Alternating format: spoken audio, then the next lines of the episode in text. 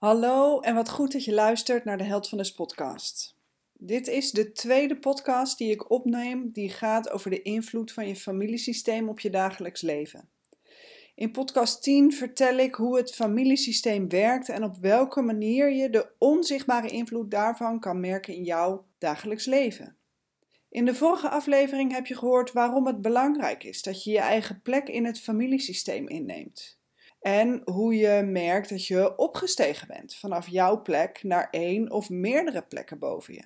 We hebben het gehad over hoe een tekort ontstaat, waardoor je behoeftig wordt. En dat die behoefte proberen te compenseren van onder naar boven altijd zorgt voor een energielek bij jezelf.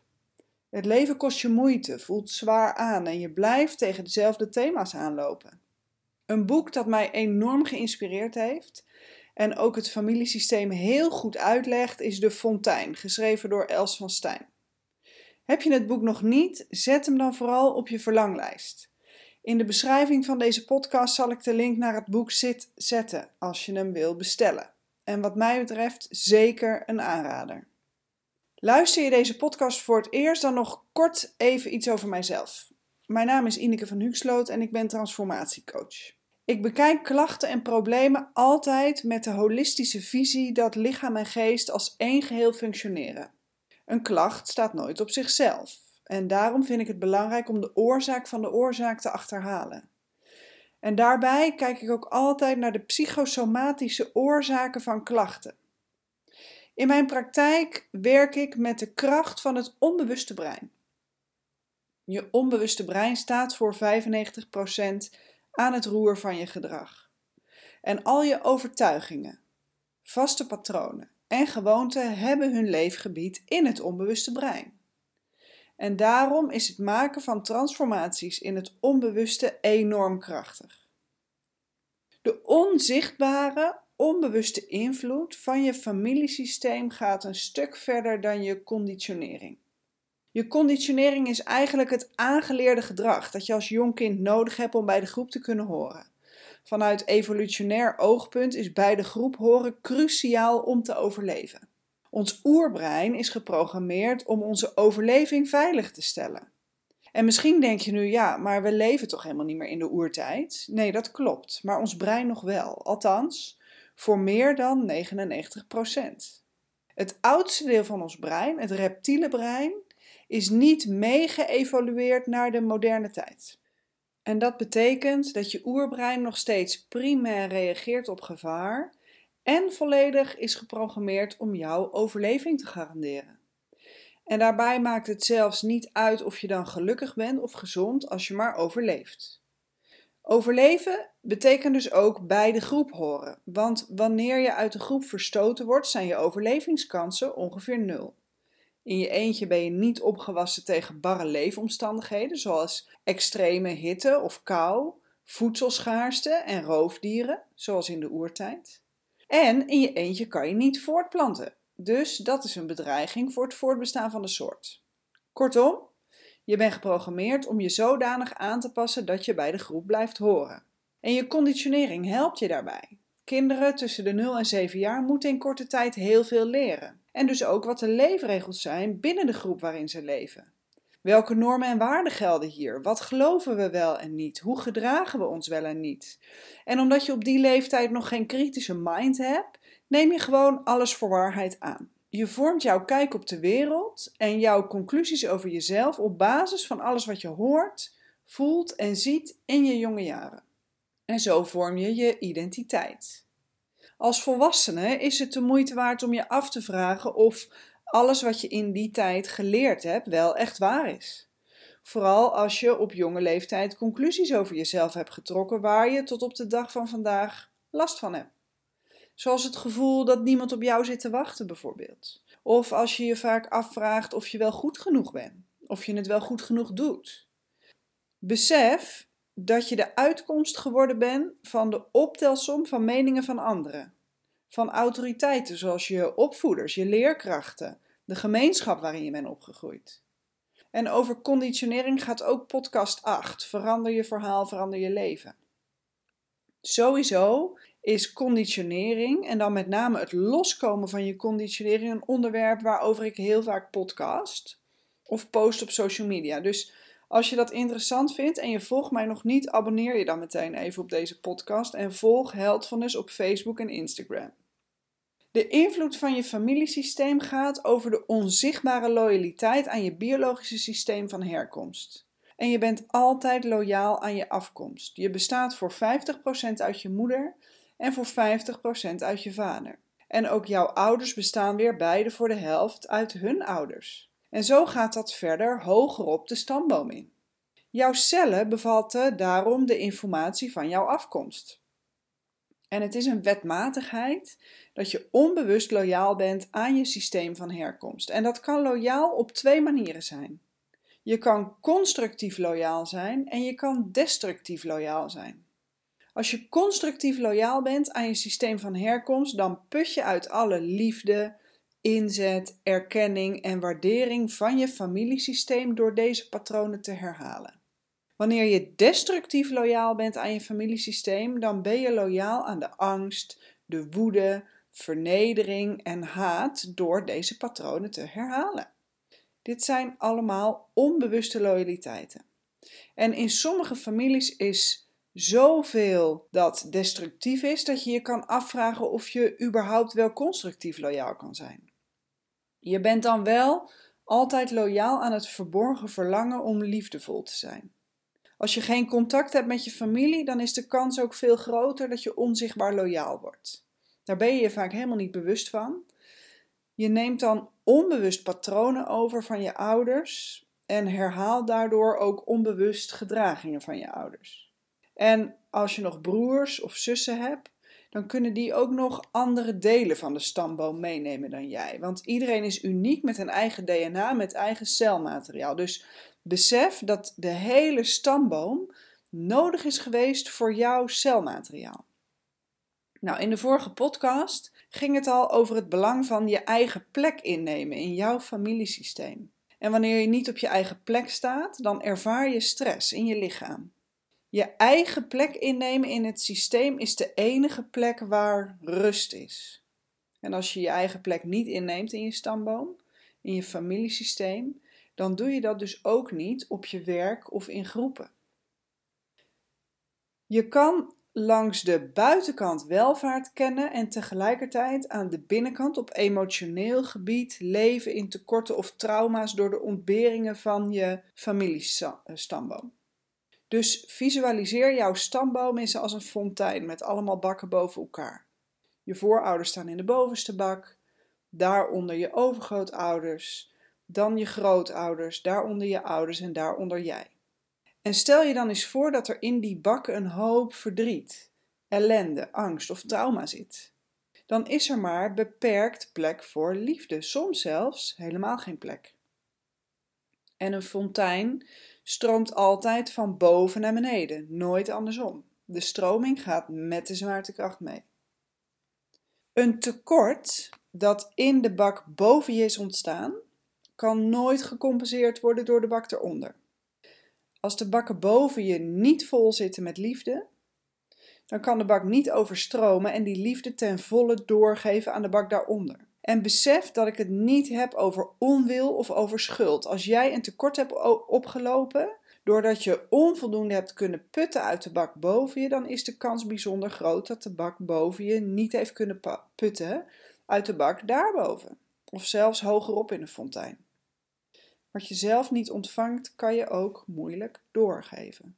Wat je te doen hebt, is je eigen plek innemen in jouw familiesysteem. Jouw eigen plek is de enige juiste plek voor jou. Pas dan kan je het leven ten volle nemen en brengt dit vreugde en energie met zich mee. Je aanvaardt je ouders als een package deal met al het mooie, al het minder mooie en alles dat je hebt verlangd maar niet gekregen. En soms betekent dat dat ouders alleen het leven kunnen doorgeven en verder gewoon niks te bieden hebben. Je hebt dan een zwaar lot waar je zelf een antwoord op te vinden hebt. Ik ga zo meteen wat meer vertellen over het innemen van je plek en het opvullen van de bakken in jouw familiesysteem met liefde. Want dat kan jij alsnog doen, ook met terugwerkende kracht, ook voor de generaties voor je. zelfs als zij niet meer in leven zijn. Maar eerst vertel ik nog wat meer over die onzichtbare patronen uit het familiesysteem. Je hebt expliciete normen en impliciete normen en beide hebben ze ook een grote invloed. Expliciete normen zijn vaak uitgesproken normen en regels binnen het familiesysteem. Over de impliciete normen wordt vaak niet letterlijk gesproken, maar ze gelden wel. We hebben het er niet over, maar dit is hoe we het doen. Voorbeelden van impliciete normen zijn bijvoorbeeld: we praten niet over onze emoties. Of je moet hard werken voor je geld. Of doe maar gewoon, dan doe je al gek genoeg. Seks is vies. Of denigrerend praten over anderen. Negatief denken. Maar ook wangedrag waar niet over gesproken wordt, zoals oplichting, misbruik, mishandeling, werkeloosheid of in de schulden raken. En je ziet dan patronen die zich telkens herhalen van generatie op generatie. En jij bent onbewust loyaal aan zowel impliciete normen als expliciete normen. En dat uitzicht doordat je er ofwel tegen verzet, ofwel door het patroon te volgen. Daarnaast bestaat er ook nog verstrikking binnen het familiesysteem. Je raakt dan onbewust geïdentificeerd met de leefwereld van iemand anders uit het familiesysteem. Ook weer doordat je onzichtbaar loyaal bent aan je systeem van herkomst. Baby's zoeken voortdurend contact met hun moeder.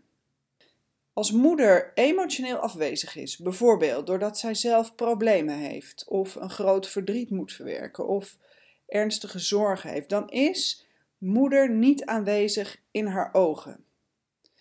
Baby's zoeken oogcontact en van daaruit ontstaat communicatie en interactie met de moeder. Een baby die in de lege ogen van de moeder kijkt, gaat van alles doen om in verbinding te komen. Bewegen, geluidjes maken, huilen. En als een moeder langere tijd niet in verbinding kan komen met de baby, dan trekt een baby zich op een gegeven moment terug. Moeder is niet in haar lichaam, staat niet, contact in, uh, niet in contact met zichzelf, doordat ze in beslag genomen wordt door wat haar overkomen is, door haar eigen trauma. En baby wordt dan in haar leefwereld gezogen, waardoor ze verstrikt raakt met de wereld van haar moeder en al haar problemen. Via je moeder raak je dan onbewust geïdentificeerd met de pijn van je moeder. En als jong kind heb je geen kritische mind. Je bent als het ware één met je moeder en je kan haar nog niet los van jezelf ervaren. Je bent nog niet in staat om te herkennen dat haar problemen niks met jou te maken hebben. En vanuit de diepe liefde voor je moeder en de loyaliteit aan je familiesysteem en de behoefte aan balans hierin, kan het zijn dat je daardoor onbewust al op hele jonge leeftijd voor je moeder gaat zorgen. Vanuit jouw liefde voor het systeem probeer je de balans terug te brengen door te compenseren van onder naar boven. Zelfs als dit betekent dat het jou daardoor niet goed gaat. Jouw diepe liefde en loyaliteit voor het systeem gaat veel verder dan alleen jouzelf. En dat is het offer dat je onbewust brengt in een poging tot het herstellen van de balans. Maar inmiddels weet jij ook dat dit niet werkt, want tekorten in de bak boven je worden nooit opgelost van onder naar boven. Misschien weet jij van jezelf al of je je plek in jouw familiesysteem hebt ingenomen. Misschien word je geraakt door bepaalde inzichten of onderwerpen uit deze podcast en besef je dat je nog werk te doen hebt om terug te komen op je eigen plek. De impact van je familiesysteem is zoveel groter dan de meeste mensen beseffen. Sta je stevig op jouw eigen plek in het systeem, dan kan je het leven ten volle ontvangen en laat je het jezelf goed gaan. Vind je het lastig om keuzes te maken die goed voor jou zijn, omdat je bang bent voor afwijzing of veroordeling door anderen? Het jezelf goed laten gaan betekent ook je schuldig kunnen maken. Want wat voor jou goed is, kan betekenen dat dit voor een ander een bepaald verlies oplevert.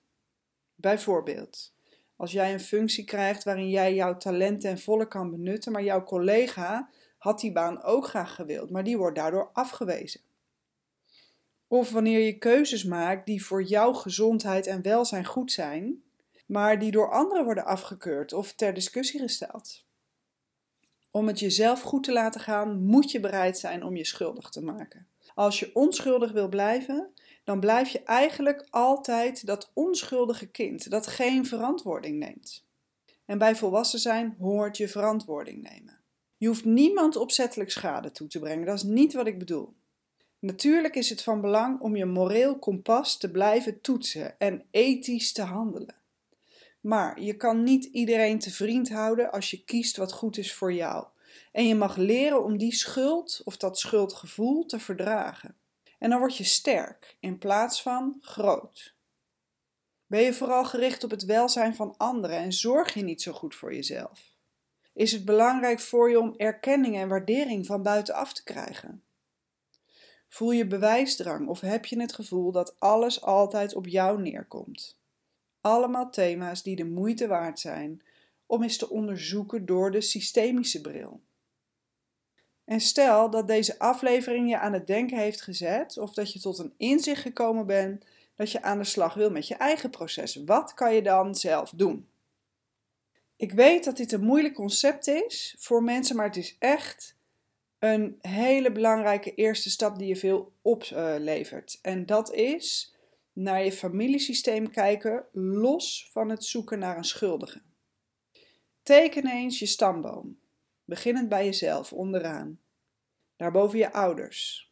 Daarboven zitten twee paar grootouders. En boven elke grootouder zitten ook weer twee paar overgrootouders.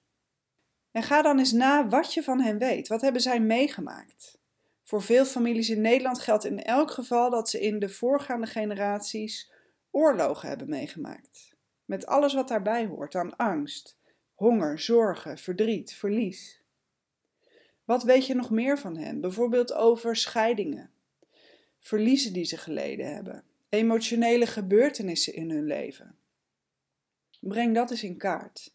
En bepaal dan in hoeverre hun bakken gevuld waren met liefde en met nare of traumatische ervaringen. Want als je het lastig vindt om los te komen van het concept schuld, dan kan het helpen om daar eens objectief en van een afstand naar te kijken. Dan zie je oorzaak en gevolg in je systeem. Misschien heb jij ook tekorten opgelopen en zie je hoe dit is ontstaan als je jouw familiestamboom eens op die manier bekijkt. Dan maakt het je in ieder geval al wat bewuster. En de volgende stap is om in kaart te brengen wat jij voelt als je denkt aan de tekorten die je zelf hebt ervaren. Misschien kan je lastig voelen en leef je vooral in je hoofd. Besef dan dat in je hoofd leven vooral een overlevingsmechanisme van jezelf is. Als voelen te pijnlijk of te heftig voor je is geworden, dan stijg je op naar je hoofd. Je wordt een wandelend hoofd. Je hoofd zit vol gedachten en je staat altijd aan. Je kan moeilijk rust in je lijf vinden. Misschien vind je mediteren ook lastig. Of je merkt dat je moeilijk kan voelen. En alles wat er gebeurt, blijft maar rondjes draaien in je gedachten. En je probeert uit alle macht om je vraagstukken met de ratio op te lossen of te beredeneren, maar je komt geen stap verder. Wat ook kan, is dat je wel emoties ervaart als je denkt aan wat jou is overkomen of aangedaan, hè, waarbij ik aangedaan even tussen denkbeeldige haakjes zet. Emoties zoals agressie, frustratie of dat je je gepasseerd of beledigd voelt, of dat je snel geïrriteerd bent, of dat je je uh, door anderen gekleineerd of vernederd voelt. Besef dan dat dit secundaire emoties zijn. Secundaire emoties kan je makkelijker voelen dan primaire emoties. Secundaire emoties zijn negatief oordelend over anderen. Op secundaire emoties loop je op energieniveau leeg, hoewel sommige mensen het hun hele leven kunnen volhouden. Wat dan weer leidt tot lichamelijke klachten en ziektebeelden die hun oorzaak hebben in niet verwerkte emotionele belasting.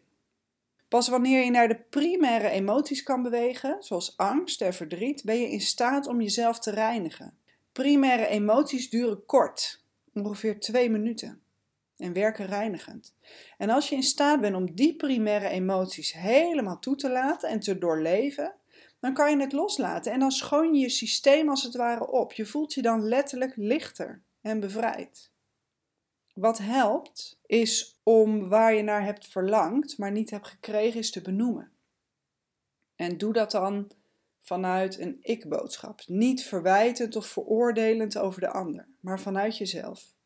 Wat heb jij gemist? Bijvoorbeeld, papa, ik heb je zo gemist en ik had zo graag de erkenning van jou willen ontvangen dat ik goed ben zoals ik ben. En als je dit doet, heeft dat twee effecten, namelijk één, dat je je tekort onder ogen ziet en dat je dit als feedback teruggeeft aan de verantwoordelijke. En twee, dat als je het op deze manier zegt, dus in een ik-boodschap, dit mogelijk ook bij jezelf een emotie opwekt. En dat geeft jou weer de kans om die emotie te voelen. En als het een secundaire emotie is, om je dan meteen af te vragen welke primaire emotie daaronder zit, die je dan zou willen toelaten, zodat je jezelf een stuk opluchting gunt. En ook ben ik persoonlijk fan van Ho'oponopono. Mocht je dat niet kennen, ik leg het zo uit, maar eerst even dit. Denk eens na over het woord meemaken. Meemaken. Je maakt iets mee, oftewel je co-creëert. Dat betekent dat je onderdeel bent van een situatie, van een interactie. En ook hier weer, het gaat niet over schuld. Maar situaties die je meemaakt, waardoor je een tekort oploopt, heb je dus meegemaakt. Je bent er weliswaar onbewust en soms ook ongewild de co-creator van. Waar twee kijven hebben twee schuld is een bekend gezegde, maar persoonlijk vind ik dat denken in termen van schuld niet zo constructief voor je eigen helingsproces. wat mij betreft spreek ik dan liever over het nemen van verantwoordelijkheid en dan bezien vanuit het oogpunt van co-creatie. Je bent er beide bij betrokken. Nou, Ho'oponopono is een oude Hawaïaanse manier voor het realiseren van geluk en harmonie. En het gaat ervan uit dat we allemaal onderdeel zijn van hetzelfde universele energieveld. En een verandering in het een heeft uiteindelijk op de lange of korte termijn invloed op de staat van de ander. En Ho'oponopono is een samengesteld woord. Ho'o betekent iets in gang zetten of doen. En het woord pono betekent goed of correctheid. En Ho'oponopono, dus het in gang zetten van goedheid, bestaat uit vier zinnen. Het spijt me. Vergeef me alsjeblieft. Ik hou van je. Dank je wel. En het toevoegen van deze zinnen aan het brengen van de ik-boodschap aan de bak of bakken boven je, heeft dan een extra helend effect.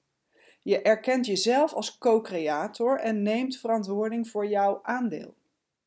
En hou in gedachten dat vergeven vooral gaat over jezelf toestemming geven om de last los te laten. En niet over het eens zijn met gedrag van de ander. Een mooie quote daarover vind ik: niet vergeven is zelf vergif drinken en verwachten dat de ander dood neervalt.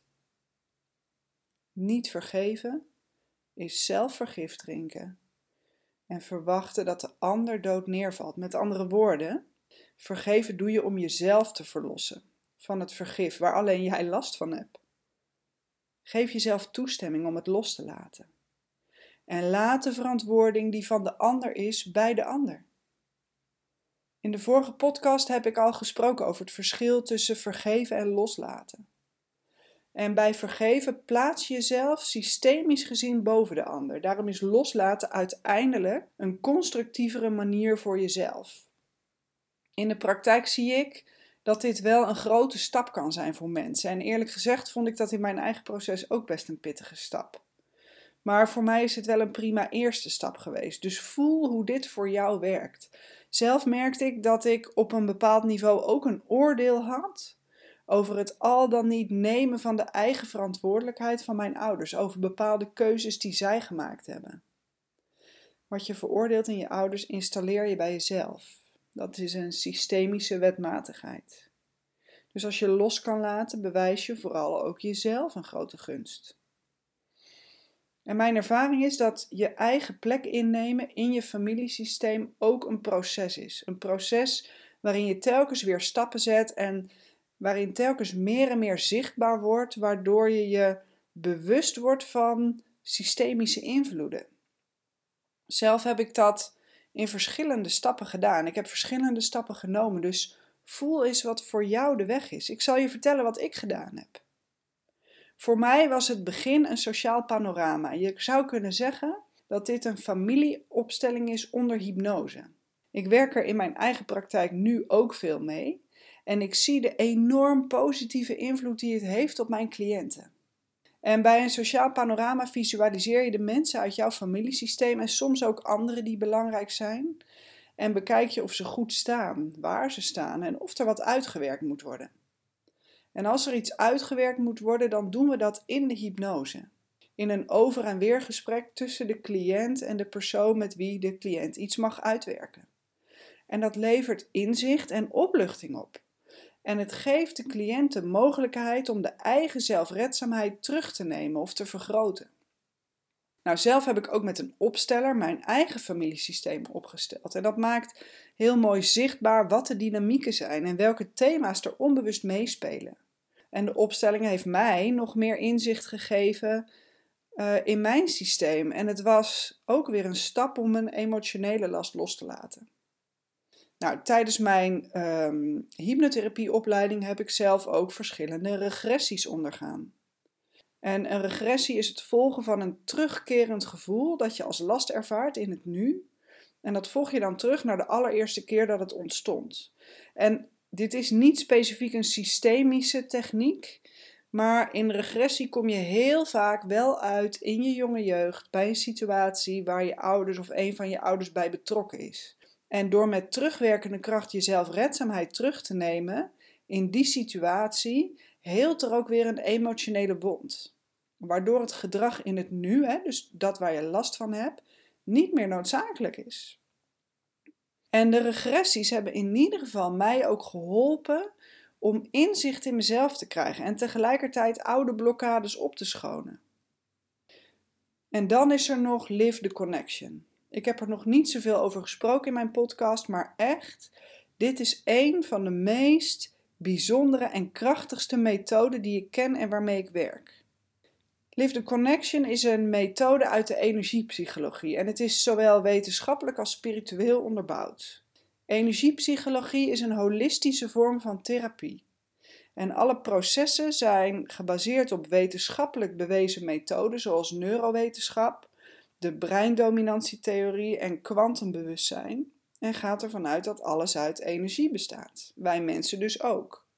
Want als je je lichaamcellen helemaal zou inzoomen onder een microscoop, dan kom je via moleculen en atomen en subatomische deeltjes bij trillingen uit. Bij energie. Alles bestaat uit energie, uit trilling. Dus ondanks dat je een mens waarneemt als vaste vorm, is je lichaam in werkelijkheid verdichte energie. De trillingen komen op je netvlies en gaan via de oogzenuw naar het brein en daar worden die signalen in beeld omgezet. En onze werkelijkheid wordt hier gecreëerd, dus energie wordt in vaste vorm omgezet. Die vaste vorm bestaat niet buiten ons, maar alleen in ons. Het is een creatie van ons brein. Live the Connection is een energiepsychologie-methode waarmee je belemmerende overtuigingen in je onderbewuste herprogrammeert. En de processen zijn makkelijk te volgen en uit te voeren. En met die methode werk je ook weer direct in het onderbewuste. En met behulp van spiertesten kan je communiceren met je onderbewuste. Op die manier kan je snel achterhalen welke overtuigingen jou belemmeren. En met deze methode kan je ook werken met je stamboom. Aan de hand van de processen van Live the Connection kan je opsporen welke overtuigingen jij voor jezelf hebt geïnstalleerd, maar ook welke gelden hogerop in jouw stamboom. Je kan familiepatronen herkennen, opsporen en oplossen. Maar bijvoorbeeld ook oude lasten uit je familiesysteem kan je transformeren. En verstrikkingen kunnen opgeheven worden. Misschien denk je nu, oké, wacht even Ineke, nu ga je wel heel abracadabra praten, dat snap ik.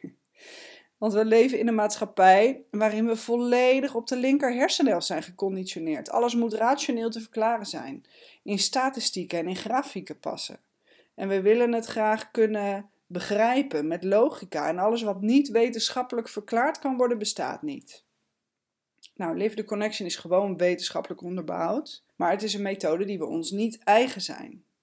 Ik heb het zelf altijd bijzonder gevonden dat we de natuurlijke holistische benadering van de mens en de lichamelijke klachten alternatieve geneeswijzen noemen.